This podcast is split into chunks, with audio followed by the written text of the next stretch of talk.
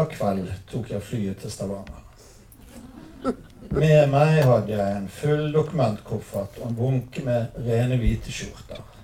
Foran meg lå fem dager i retten og fem netter alene på et hotellrom i en by hvor jeg aldri hadde funnet meg helt til rette. Som ganske ung mann hadde jeg vært på gjennomreise i Stavanger. Skulle gå en tur rundt Breiavannet mens jeg ventet på toget videre sørover. Var en fyr som passerte meg, uten foranledning, plantet en knyttneve midt i ansiktet mitt. Kanskje motviljen mot byen hang igjen fra den gang. Jeg syns det var helt umulig å ikke tone flagg og lese dette jo før, jo heller. Og eh, av og til når du er krimforfatter, reiser rundt, får du spørsmål om hvor mye av disse eh, hovedpersonene, heltene dine, er, er forfattere. da. Hvor mye er Mikael Brenne Kristvedt? Og svaret på det er noe ganske sammensatt. Men, men, akkurat denne lille opplevelsen av Stavanger, den er 100 Kristvedt. Jeg er redd for. Jeg har fått juling i Stavanger og glemmer det aldri. Men det er noe ganske kjekt å være her likevel, og jeg føler meg egentlig relativt trygg på, på Sølvbergen. Særlig når jeg ser utover publikum. Så ser det forholdsvis trygt ut. Det er litt, eh, alltid litt rart å, å, være Fremdeles for meg er det litt rart å være på disse arrangementene. Jeg, det er blitt tolv år siden jeg debuterte. Og jeg har aldri helt vent meg til at jeg faktisk er forfatter. Et eller annet sted inni hodet mitt så, så, er jeg egentlig advokat. Uh, og det var jo på en måte der det begynte, hele forfatterskapet mitt. Eller nesten det. Det vil si, det begynte, egentlig begynte det litt før. det begynte, Jeg debuterte altså helt tilbake i 1983, eller muligens i 82, med en liten novelle. Litt sånn kitsch i navnet 'Balkanatt', som faktisk ble utgitt på Cappell var sin antologi eh, den gangen. Og det ble jo ikke noe forfatterskap av det, men det ble på en måte en liten kime til et eller annet. Eh, og det var vellykket. Jeg var den eneste jusstudenten på Bergen universitet som egentlig hadde utgitt noe som helst litterært. Det ga meg i hvert fall mye suksess på, på nachspiel, hvor jeg kunne si til Jansen at egentlig er jeg nesten forfatter. Men i 2005, etter egentlig et liv som advokat, så, så ble jeg faktisk forfatter. Da kom eh, debutboken min som het 'Rimelig tvil'. Og den ble til den ble til på advokatkontoret på et vis. Den ble til på den måten at jeg satt på kontoret mitt i Bergen sentrum i en gate som Fortun, som går fra havnen og opp til tinghuset.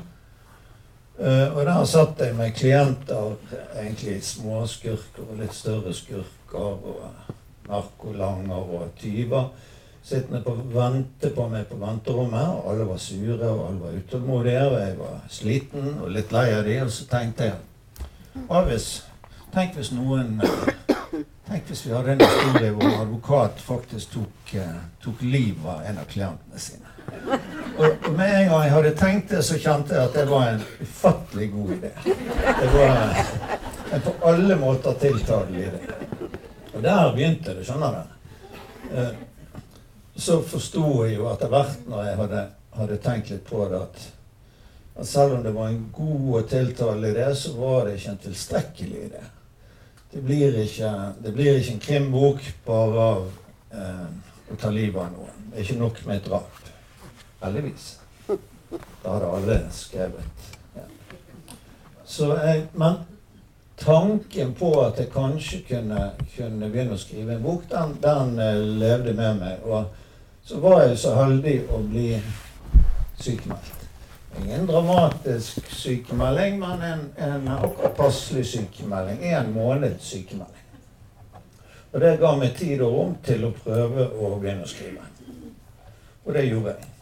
Og jeg tok den ideen og så tenkte litt videre på det. Jeg at ok, Hvis vi har en advokat, og hvis han faktisk tar livet av en av klientene sine, hva skjer så?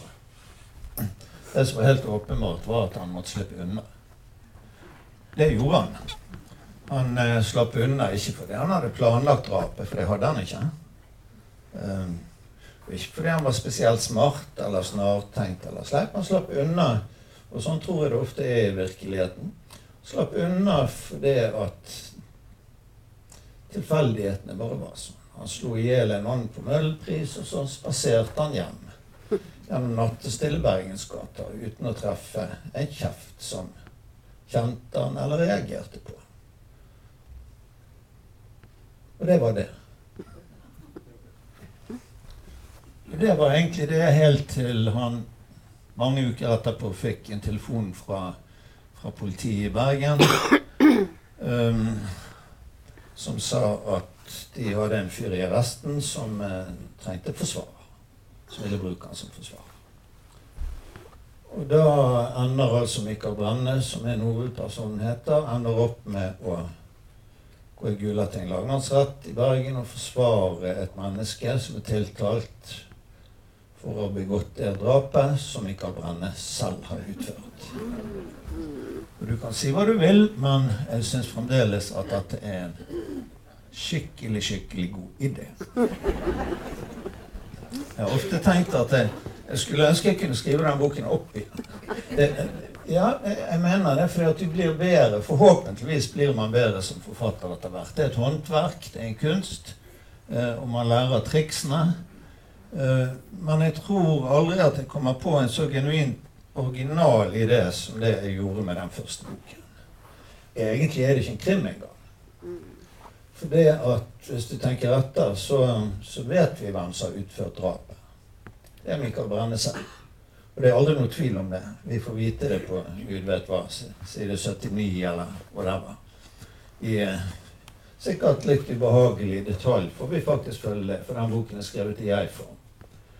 Uh, så det smarte med boken ligger på et annet Og spenningen i boken ligger på et annet plan eller et annet nivå. Og det, det gjør det på et vis som på en måte griper fatt i det som jeg syns er viktig med kriminallitteratur. God kriminallitteratur. Og det er at det er en slags etisk eller moralsk himmel over problemstillingen i denne boken. For tenk litt på det. Når Michael Brenne går i retten og skal forsvare denne mannen som er tiltalt for drapet, så har han noen valg. Han kan velge å gjøre en skikkelig, skikkelig dårlig forsvarerjobb. Og da vil klienten hans bli dømt for drap, og Michael Brenne vil være trygg for alltid. Ingen vil noen gang lete etter en annen morder så er det det da at han allerede har et drap på samvittigheten. og det å kanskje også få en, eller bidra til at en annen mann blir dømt for dette drapet. Det kan være kanskje litt tung bør å ha i ryggsekken selv for en bergensk forsvarsadvokat. Så han kunne godt tenke seg en annen løsning. Og så vet han jo innerst inne da, at det han egentlig bør gjøre, er å gå og melde seg. Ikke sant? Han bør melde seg han må sone. For det er det vi gjør når vi synder. Det er det vi må gjøre når vi begår forbrytelser. Det er det som er essensen i ordet soning. Det handler jo ikke om handler jo ikke om å bli sperret inne eller ikke. Det handler om på et eller annet vis å gjøre opp for seg. Det handler om å legge noe i vektskålen. Det handler om å legge egen lidelse i vektskålen. Som på et eller annet mystisk, metafysisk vis kan oppveie den lidelsen du har påført andre. Fordi at vi vet ikke noen andre måter å håndtere det på. Så han vet at han burde, men han har ikke lyst. Han har et ganske godt liv. Han er blitt kjæreste med sekretæren sin. Jeg vet at det er urealistisk, men det har skjedd av og til. Så siste muligheten hans er da selvfølgelig å greie å frifinne klienten sin. Finne en måte å ta en nesten umulig sak og gjøre den til en vinnersak. Og med, litt, med god hjelp fra forfatteren så er det kanskje mulig. Jeg var litt panisk når jeg hadde skrevet Jeg visste ikke hvordan Rimelig tvil skulle slutte. Jeg visste alt dette som jeg har sagt til dere nå, men jeg visste ikke hvordan jeg skulle løse saken. Jeg visste for å si det sånn akkurat lite, like lite som jeg kan brenne. Jeg visste ikke hvordan han skulle vinne i retten. Og når jeg fant det ut, uh, når jeg fant løsningen på det, så uh, turde jeg faktisk ikke sjekke med legevitenskapen om det faktisk holdt vann. For hvis jeg hadde gjort, og de hadde sagt nei, så tror jeg at jeg måtte kastet boken. Anyways. Boken kom ut. Den het 'Rimelig tvil'. Den fikk egentlig gode kritikker. Relativt gode kritikker. Uh, jeg fikk også utrolig mye presse. Og det skyldtes egentlig ikke at boken var så fantastisk skjønte jeg etter hvert, selv om jeg trodde det. Det skyldtes at avisene fant en, en, en vinkling. Og vinkling i det aviser har. Jeg fikk to sider i VG. Og Der sto det med følgende overskrift eh, 'Advokat debuterer med sex og vold'. Ja. De elsket den. Men, og jeg trodde de hadde lest boken. Men det viste seg at det ikke er helt sånn den litterære offentligheten alltid fungerer det hadde likevel den konsekvensen at det gikk litt til hodet på meg. Jeg, skrev, jeg begynte nesten med en gang å skrive, et, uh, skrive på et nytt manus. Um, men det syns jeg gikk så lett. Det bare, det bare Ideene kom, plottet kom, uh, alt bare fløt ut. Jeg skrev det skrev ikke på et par måneder mens jeg jobbet fulltid. Så sendte jeg det til uh, forlaget mitt, og så gikk jeg til kollegaene mine på advokatkontoret og sa at nå, folkens, nå gir jeg meg. Nå blir jeg fulltidsforfatter og slutter som advokat. Jeg reiste også opp til min mor og fortalte det samme. Noe som medførte at hun begynte å gråte, og jeg forsto at han ikke var fullt så dement som jeg trodde. Hun skjønte i hvert fall hadde litt vett i behold. Eh, I motsetning til hennes sønn, skulle det vise seg. Eh, fordi at ganske kort tid deretter så ringte de fra, fra Cappelen og sa at dette, den, at det nye manuset vet det holder ikke, det kan ikke vi utgi. Det jeg hadde lyst til å si til dem, var at det må dere, for jeg har sagt til min mor at jeg skal bli forfatter. Men all den stund jeg var en mann på over 50 år, så, så forsto jeg at jeg ikke ville egentlig nå inn. Så det jeg gjorde istedenfor, var å skrive manus på nytt. Skrev jeg det Jeg gjorde det, skrev jeg det enda en gang. Så ville de fremdeles ikke ha det. To ganger til sammen tre ganger refuserte de det. Og da begynte jeg faktisk å bli desperat. Jeg begynte også å bli litt fortvilet. Og jeg tror at jeg egentlig hadde gitt opp hvis det ikke var fordi at jeg da egentlig hadde Istedenfor å jobbe på advokatkontoret og tjent penger, så hadde jeg egentlig gått rundt på Torgallmenningen. Og hver gang jeg traff noen jeg kjente, så sa jeg antagelig med litt sånn overlegen mine at nei, jeg er nå, jeg er nå blitt forfatter, jeg. Og det er noe med å, å Jeg aner meg at det kanskje så litt ufordragelig ut av og til. Jeg ser ikke bort fra det. Jeg syns det var svært, da, det må jeg si til mitt forsvar. Dette var en gammel drøm som hadde gått i oppfyllelse. Jeg syns det var svært. Poenget var at jeg hadde liksom gått ut på planken, og, og hvis det ikke hadde vært for min egen stolthet og ubehaget ved å måtte erkjenne at alt jeg hadde skrytt av, og alt jeg hadde sagt, ikke viste seg holde stikk, så tror jeg at jeg hadde kanskje gitt opp.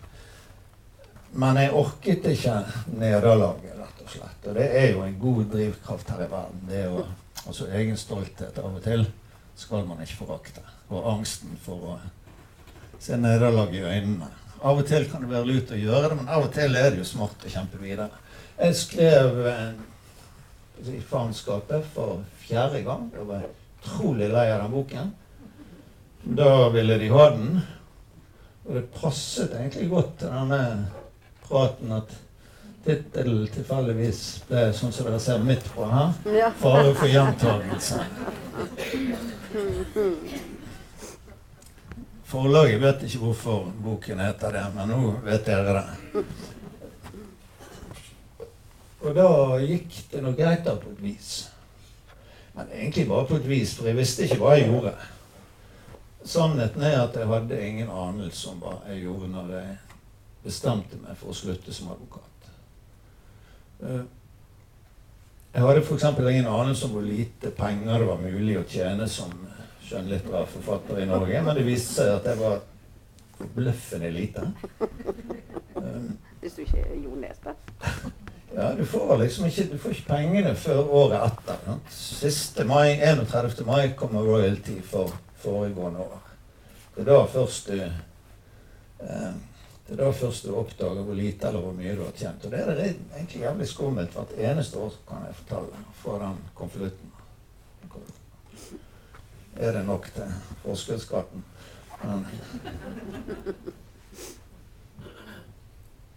Men jeg hadde gått konkurs. Jeg hadde gått konkurs i 2007. Eh, triste sannheten er at jeg ble reddet av eh, min tante Harriet, barnløs tante som døde i en alder av 92 år det året. Eh, og arven gikk til meg. I hvert fall nok av den til at jeg kom igjennom det året. Så vi har egentlig tante Harriet å takke for på en måte for forfatterskapet, da. Eh, men det var, det var, en fullstendig naturlig død, altså. Det har jeg, har jeg lyst til å presisere.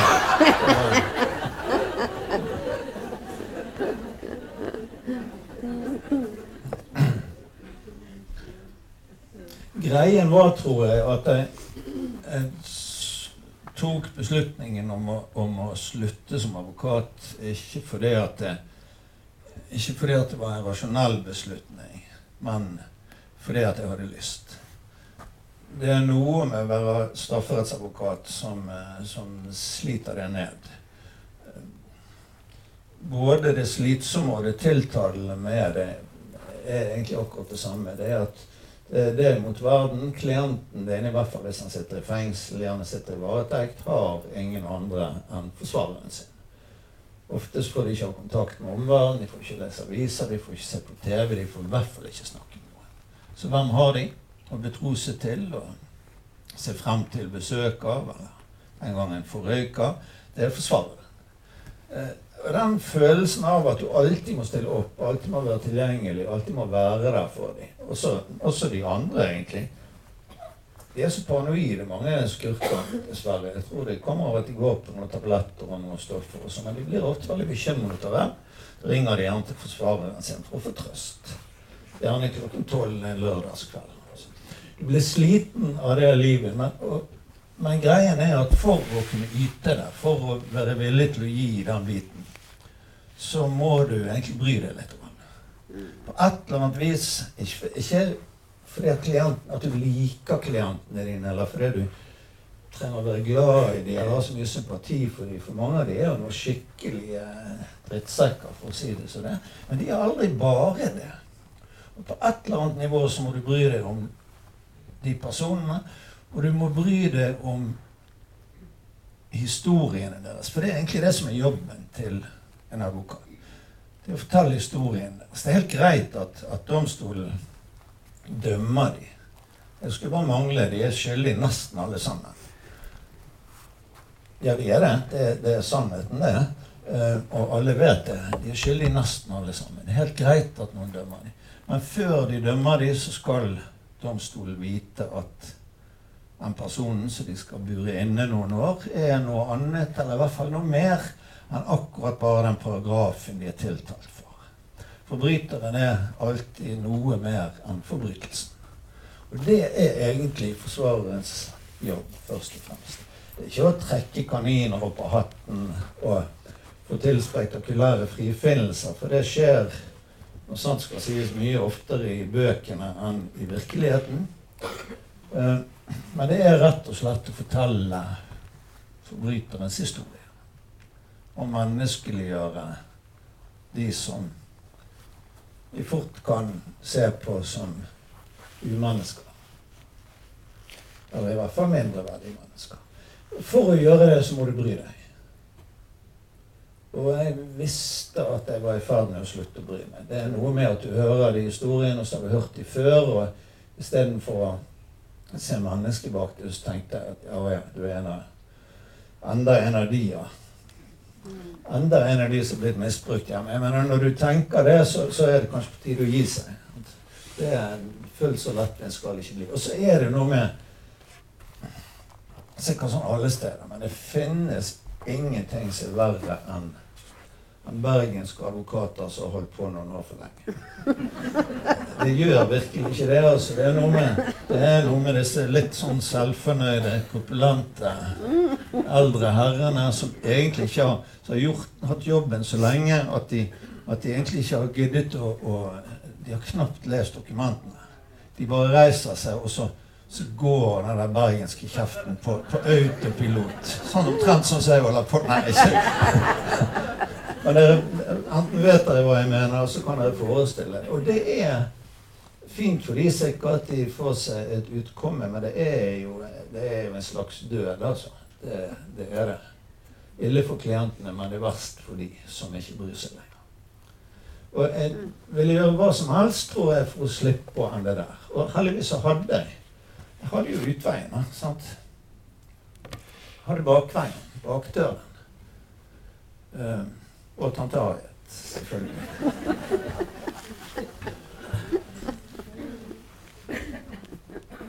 Og så ble det på et eller annet vis greit. da. Så, så, så ble det en karriere av det. Og det var ikke en karriere som tok av som, med en sånn bratt kurve oppover og voldsomt press og voldsomt salg. Det var en jevnt og trutt og pen stigning på det. Fordi bøkene holder mål, tenker jeg sjøl. Uh, en til egentlig Dødens sirkel, som jeg fikk Riverton-prisen for. Og, og det betydde egentlig ganske mye for meg. Uh, betyr oppmerksomhet, uh, betyr salgstall det handler også litt om at forlaget ble så glad i deg. Det at de, altså Forlaget står av mennesker, og de jobber og sliter og strever, og de bygger opp et forfatterskap og alt dette. Og, og de opplever det på en måte også som en slags Som om de har del i det når det kommer sånne anerkjennelser som, som en pris av et eller annet slag. Og da blir forlaget litt glad i forfatteren sin, og det, det er viktig, det, altså. Så, så når den kom, og den gikk på plass, så, så, visste jeg at jeg faktisk kunne leve av det. Da først følte jeg meg trygg og tenkte at eh, jeg har en karriere. Jeg kan kalle meg forfatter. Jeg trenger ikke se meg over skulderen. Og jeg trenger ikke grue meg til den dagen jeg kanskje må ta på meg advokatkappen igjen, som jeg ikke har lyst til. Jeg sier av og til når folk spør meg at jeg har lyst Jeg, sier, jeg kan tøffe meg og si etter et par halvlitere kan jeg si at ja, jeg savner, savner det å stå i retten og, og prosedere. Som jeg faktisk var ganske god til. Bare les eh, en av bøkene, skal dere se det. Meg skriver alle Michael Brenne sine prosedyrer. For de er, ikke dårlige. Men, men, sannheten er at jeg, jeg savner det ikke. Jeg har gjort det jeg har gjort det for mange ganger, og jeg syns det er deilig å Deilig å slippe, rett og slett. Ikke bare blitt for gammel, ikke takler presset lenger. Men jeg tror ikke det er bare det. Så er det deilig å skrive bøker. da Jeg kan få ut litt av det samme. Og det rare er at det er altså ikke så stor forskjell på forfatterskap og forsvarergjerning. Og det er tråden til det som jeg nettopp snakket om. Det er at forsvarerens jobb er egentlig å fortelle forbryterens historie. Og det er ikke så veldig forskjellig det jeg gjør som forfatter. Jeg prøver selvfølgelig å finne et plott. Jeg finner et plott. Og jeg finner et drap, eller to, eller kanskje til og med tre. Og jeg hører nok ikke til de blodigste forfatterne i, eh, i sjangeren. Men jeg kan godt la det sildre og renne og dryppe grann. For det er ikke sånn at jeg har noe prinsipielt mot rødfaget i, i krimbøker. Når jeg skrev rimelig tvil første gang, første utkastet så fungerte det ikke, fordi at jeg skrev på en måte drap uten blod, og sex uten kroppsvæsker, og kjærlighet uten lidenskap. Eh, og sånn kan man ikke skrive krim, som på et eller annet nivå er et slags melodrama. Eh, du må bruke de triksene som, som er å bruke boken. Men poenget mitt er at hvis du ikke har eh, mennesker som i hvert fall et eller annet vis kan oppleves som levende, tenkende figurer i disse bøkene, så er det ikke verdt noe. Det var litt interessant å høre på innledningene, for der ble det fokusert på krim som samfunnskritikk. Og det er jeg slett ikke uenig i. Men jeg begynner sjelden der når jeg skal lage plott. Um, jeg begynner med ja, som der er til stede rimelig tvil. Begynte bare med tanken på, på, på en advokat som tar livet av klienten sin. ikke sant? Den, eh, denne siste boken, som jeg sikkert skal burde snakke enda litt mer om, den, eh, den begynte et helt annet sted. Men, men de begynner alltid med Du må ha et nav... Plott er komplekse greier. Du greier ikke å komme på et helt plott. Det du kan komme på, er et eller annet omdreiningspunkt i boken. Så Jeg skal komme tilbake til hva jeg mener, men poenget mitt er at i den grad det er samfunnskritikk i bøkene mine, så er det på ett vis et tilfeldig produkt. Og det handler om at bøkene handler Bøkene prøver å ta fatt i smertepunkten. Og da tenker jeg på karakteren, og ikke så mye på samfunnet rundt. Og de smertepunktene, de bruddflatene som mennesker har, der hvor det gjør vondt å pirke borti de stedene som gjør at folk handler irrasjonelt, at folk handler voldelig, eller det som gjør at handlingsforløp får en blodig utgang istedenfor en rasjonell utgang, det er ofte de samme stedene hvor, hvor det viser seg at det finnes sosiale eller samfunnsmessige belastninger. Vi lever jo ikke isolert fra verden. Vi lever i verden. Denne boken her begynte et litt annet sted. Den heter 'Den som forvolder en annens død'. Det er en litt komplisert tittel, men eh, ikke så lett å huske, egentlig. Forlaget var noe sånn måtelig begeistret. Men, eh, men jeg likte tittelen rett og slett fordi at det er gjerningsbeskrivelsen i, i drapsbestemmelsen i den gamle straffeloven, Den straffeloven som eh, ble erstattet av en ny straffelov i fjor, den som forvolder en annens død. Og jeg syns syns for å være helt ærlig at det er litt poetisk. Eh, nye straffeloven det bare den som dreper en annen. Og det er ikke så mye poesi i det. Men den som forvolder en annens død. Eh, og egentlig begynte denne, denne boken i rettssalen. Den begynte fordi at jeg med min advokatbakgrunn så starter jeg nesten hver bok med å prøve å tenke hvor er det advokater som min hovedperson er? Hvor er det de møter disse etiske dilemmaene som jeg snakker om? Eller de Hvilke situasjoner kan du tenke deg? Kan jeg tenke meg at jeg kommer opp i gjør at det blir vrient å være advokat? rett Og slett. Og det er nesten et alltid, alltid fruktbart utgangspunkt. Eh, og jeg gikk tilbake til basics. Når jeg var ung eh, forsvarer, så lærte jeg én ting veldig kjapt. Eh, jeg lærte det faktisk før det. Jeg lærte det når jeg var politifullmektig i Haugesund, som var første jobben jeg hadde. Da gikk jeg i retten hele tiden, for Haugesund politidistrikt er det ufattelig mye skurker. Det inkluderer nemlig Karmøy, og det er ikke mer å si om det. Rar øy. Eh, greien er at du lærer én ting. Du lærer at du skal aldri stille du, retten, du skal aldri stille spørsmål til et vitne hvis du ikke vet svaret på forhånd. Du må finne svaret, du må vite svaret, enten fordi du har lest avhørene, eller fordi du har snakket med dem selv. Alltid vite svaret. Ellers får du la være å spørre. Det er så basic at uh, det finnes ingen mer grunnleggende regel. Så tenkte jeg at skulle la Mikael Brenne glemme den regelen. Jeg visste, før jeg visste noen ting annet, at denne boken skulle vippe akkurat på det spørsmålet. Han skulle glemme det, han skulle stille spørsmål som han ikke visste svaret på. Og som dere sikkert kan tenke dere sjøl, når svaret kom, så ble det egentlig en katastrofe. Men det var dessverre også alt jeg visste. Forrige bok, Mikael Brenne-boken kom i 2010. Og det var gått seks år siden. Og det var mye lenger enn jeg hadde tenkt. Kanskje på tide å snakke om hvorfor, men det er slett ikke sikkert. Uh, og jeg strevde med å på en måte komme inn i greiene igjen. Jeg hadde ikke et plott. Jeg hadde ikke et plott før jeg egentlig kom på en artikkel jeg en gang skrev for Bergensavisen, tror jeg, om eh, to personer. En som heter Johan Unterweger, og en som heter Jack Abbott. Og hvis dere ikke har hørt om de før, så er ikke det så rart, egentlig. Enda de har en slags litteraturhistorisk betydning. Eh, begge to satt nemlig i fengsel for drap. Jack Abbott eh, satt i USA et eller annet sted, jeg husker ikke hvor. Og Johan Unterweger eh, hadde drept en prostituert kvinne og satt vel på livstid i Østerrike, i Wien. De hadde én ting til felles, og det var at det viste seg at de hadde litterært talent. De kunne skrive bøker.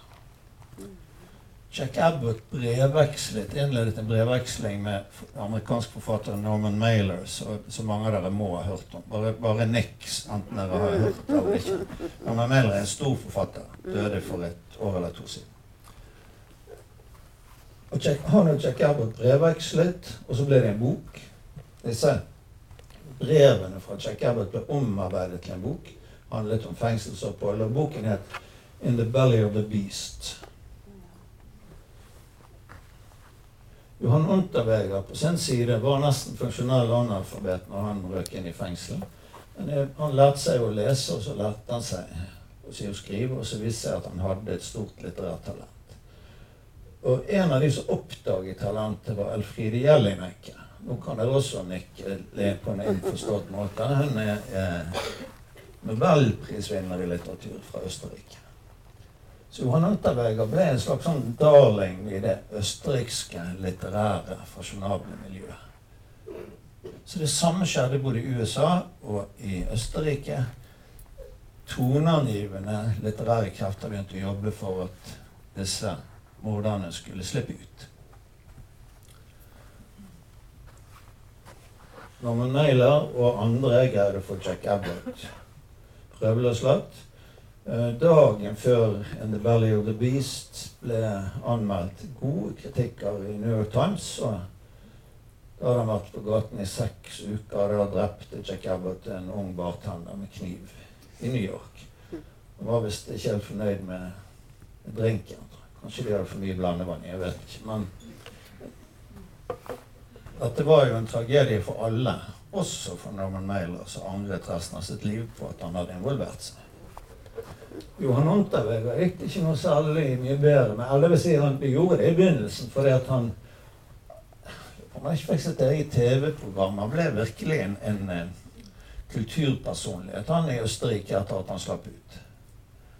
Uh, dessverre så fortsatte han også med hobbyen sin, så han tok livet av seks prostituerte kvinner bare det første året han var ute av fengselet. Eh, han endte vel opp med elleve totalt før de tok han igjen.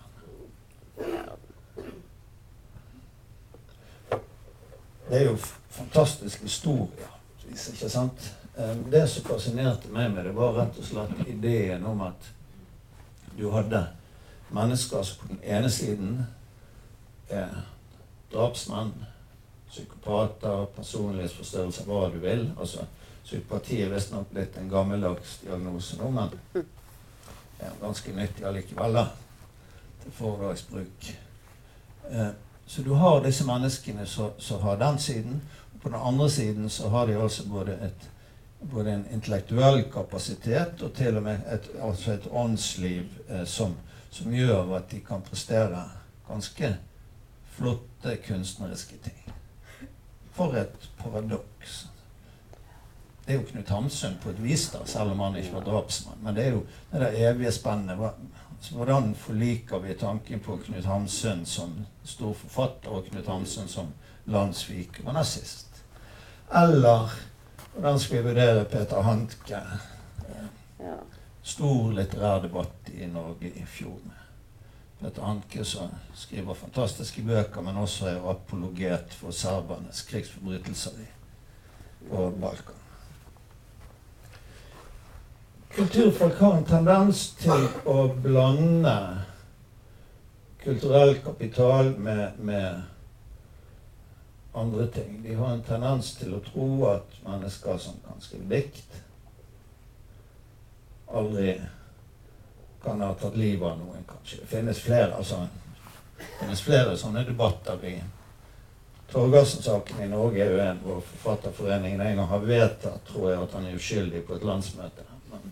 Men, men jeg, jeg ble så fascinert av, dette spennet, dette gapet. Og det som jeg tenker på også som naiviteten av og til i det liksom, intellektuelle kulturmiljøet.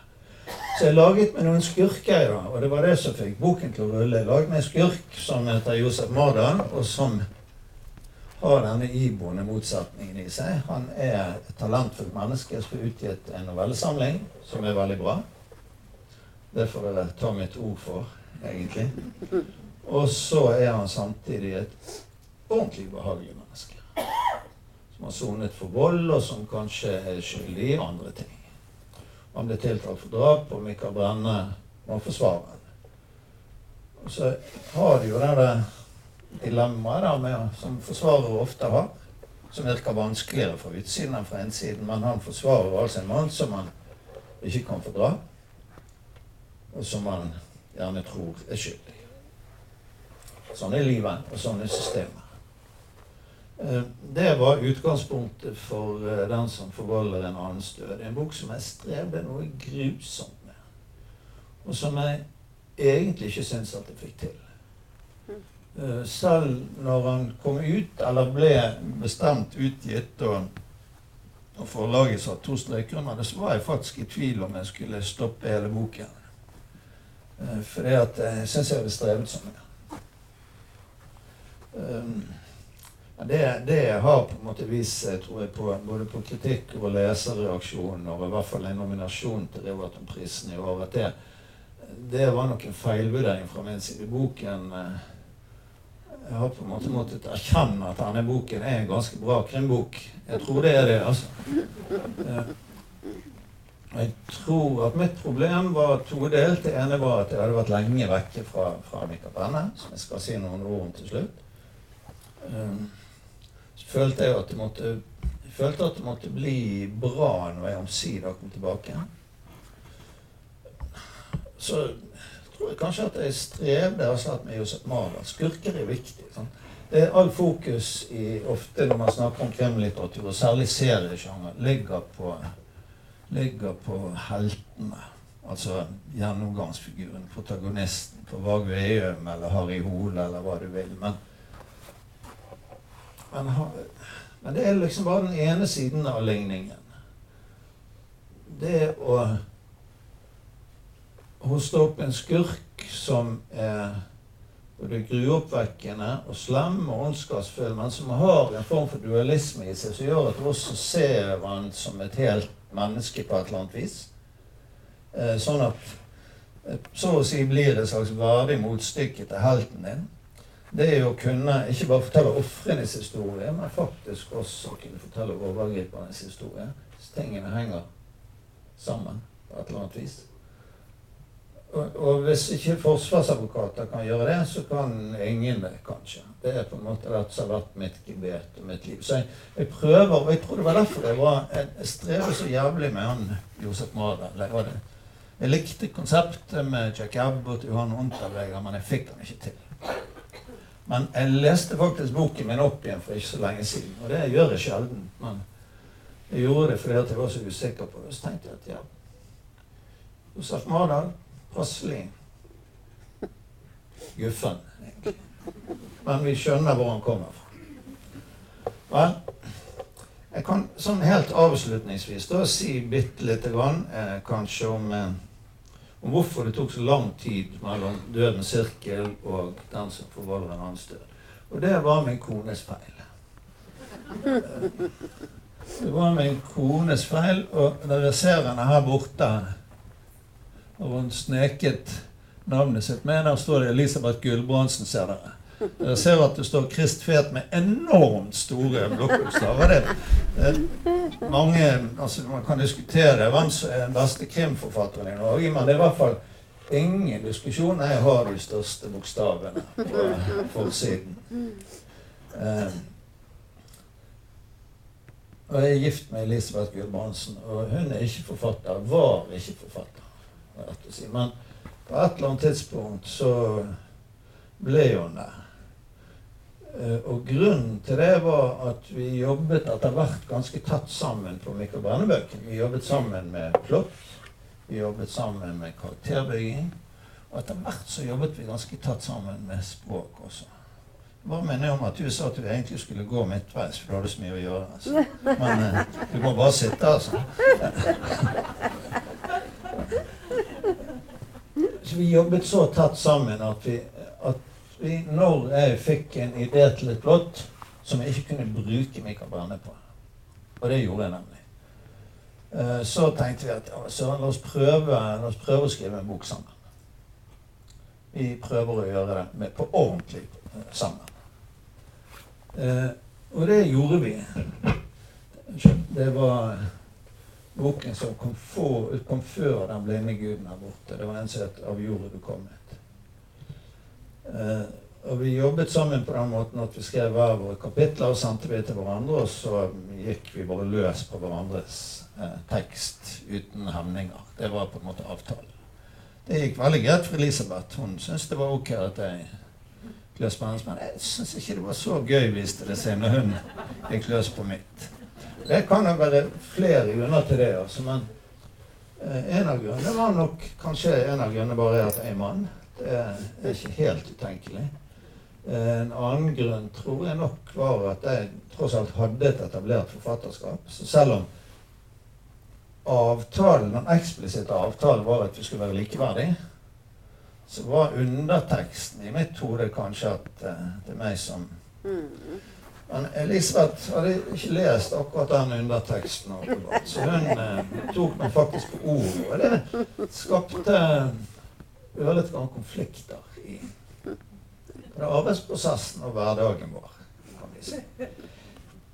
Det gikk bra til slutt. Og så er det et eller annet sunt med det, tror jeg. Det er sunt, det der forfatteregoet er nå det det er. Ikke bare forfatterego, men, men det er også det er noe en av grunnene til at jeg hadde så lyst til å bli forfatter, var at jeg syntes det var sånn stilig å være forfatter. Jeg har alltid elsket litteratur, og jeg elsket tanken på å være det. Sånn? Og det er jo det er noe det, Mitt hode, i hvert fall, når ørlite grann mytes med det, som ikke egnet seg så godt kanskje til at en kone skal sitte og rote med setningene dine. Jeg fikk ikke helt disse tingene til å passe sammen.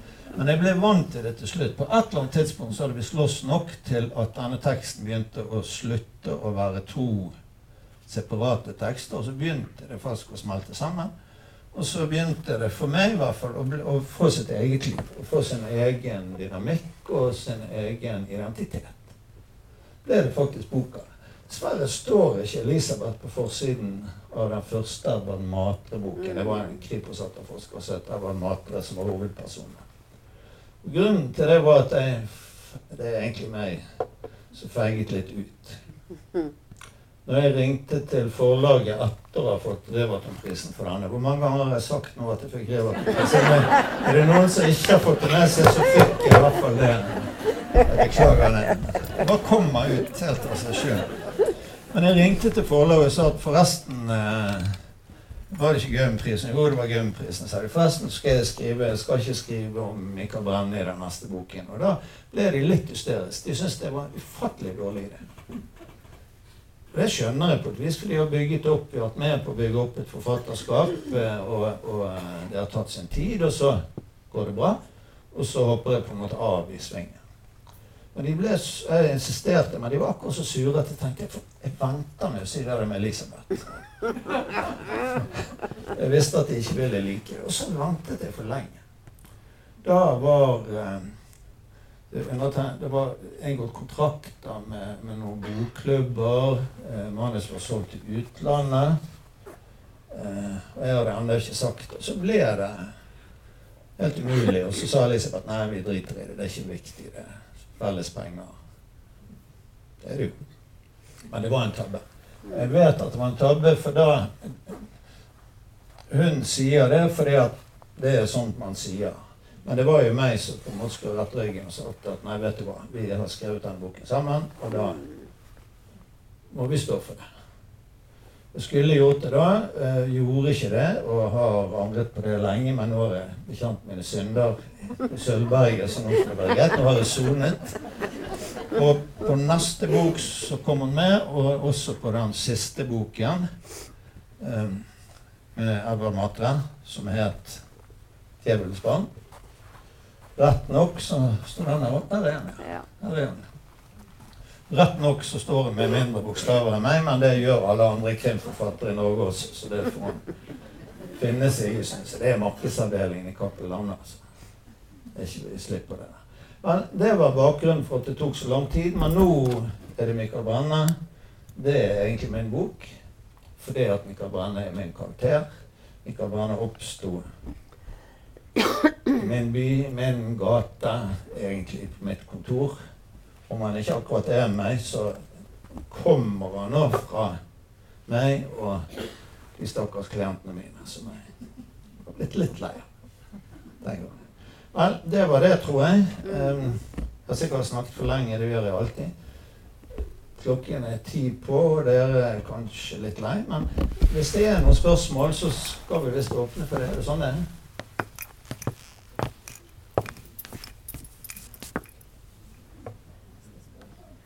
Klarer du å snakke uten mikrofon? Bør man lese bøkene i rekkefølge, eller kan man lese dem hver for seg? Nei, du kan lese dem hver for seg. De er de er skrevet slik at, uh, at, det ikke er noe nødvendig Det er ikke nødvendig å lese det i rekkefølge. Men, men, akkurat de tre midterste Edvard Matre-bøkene tror jeg at jeg ville lest i rekkefølge. Fordi at det er Jeg vet om masse folk som ikke har gjort det, og de syns visst det er greit, de òg, men det er laget som en trilogi.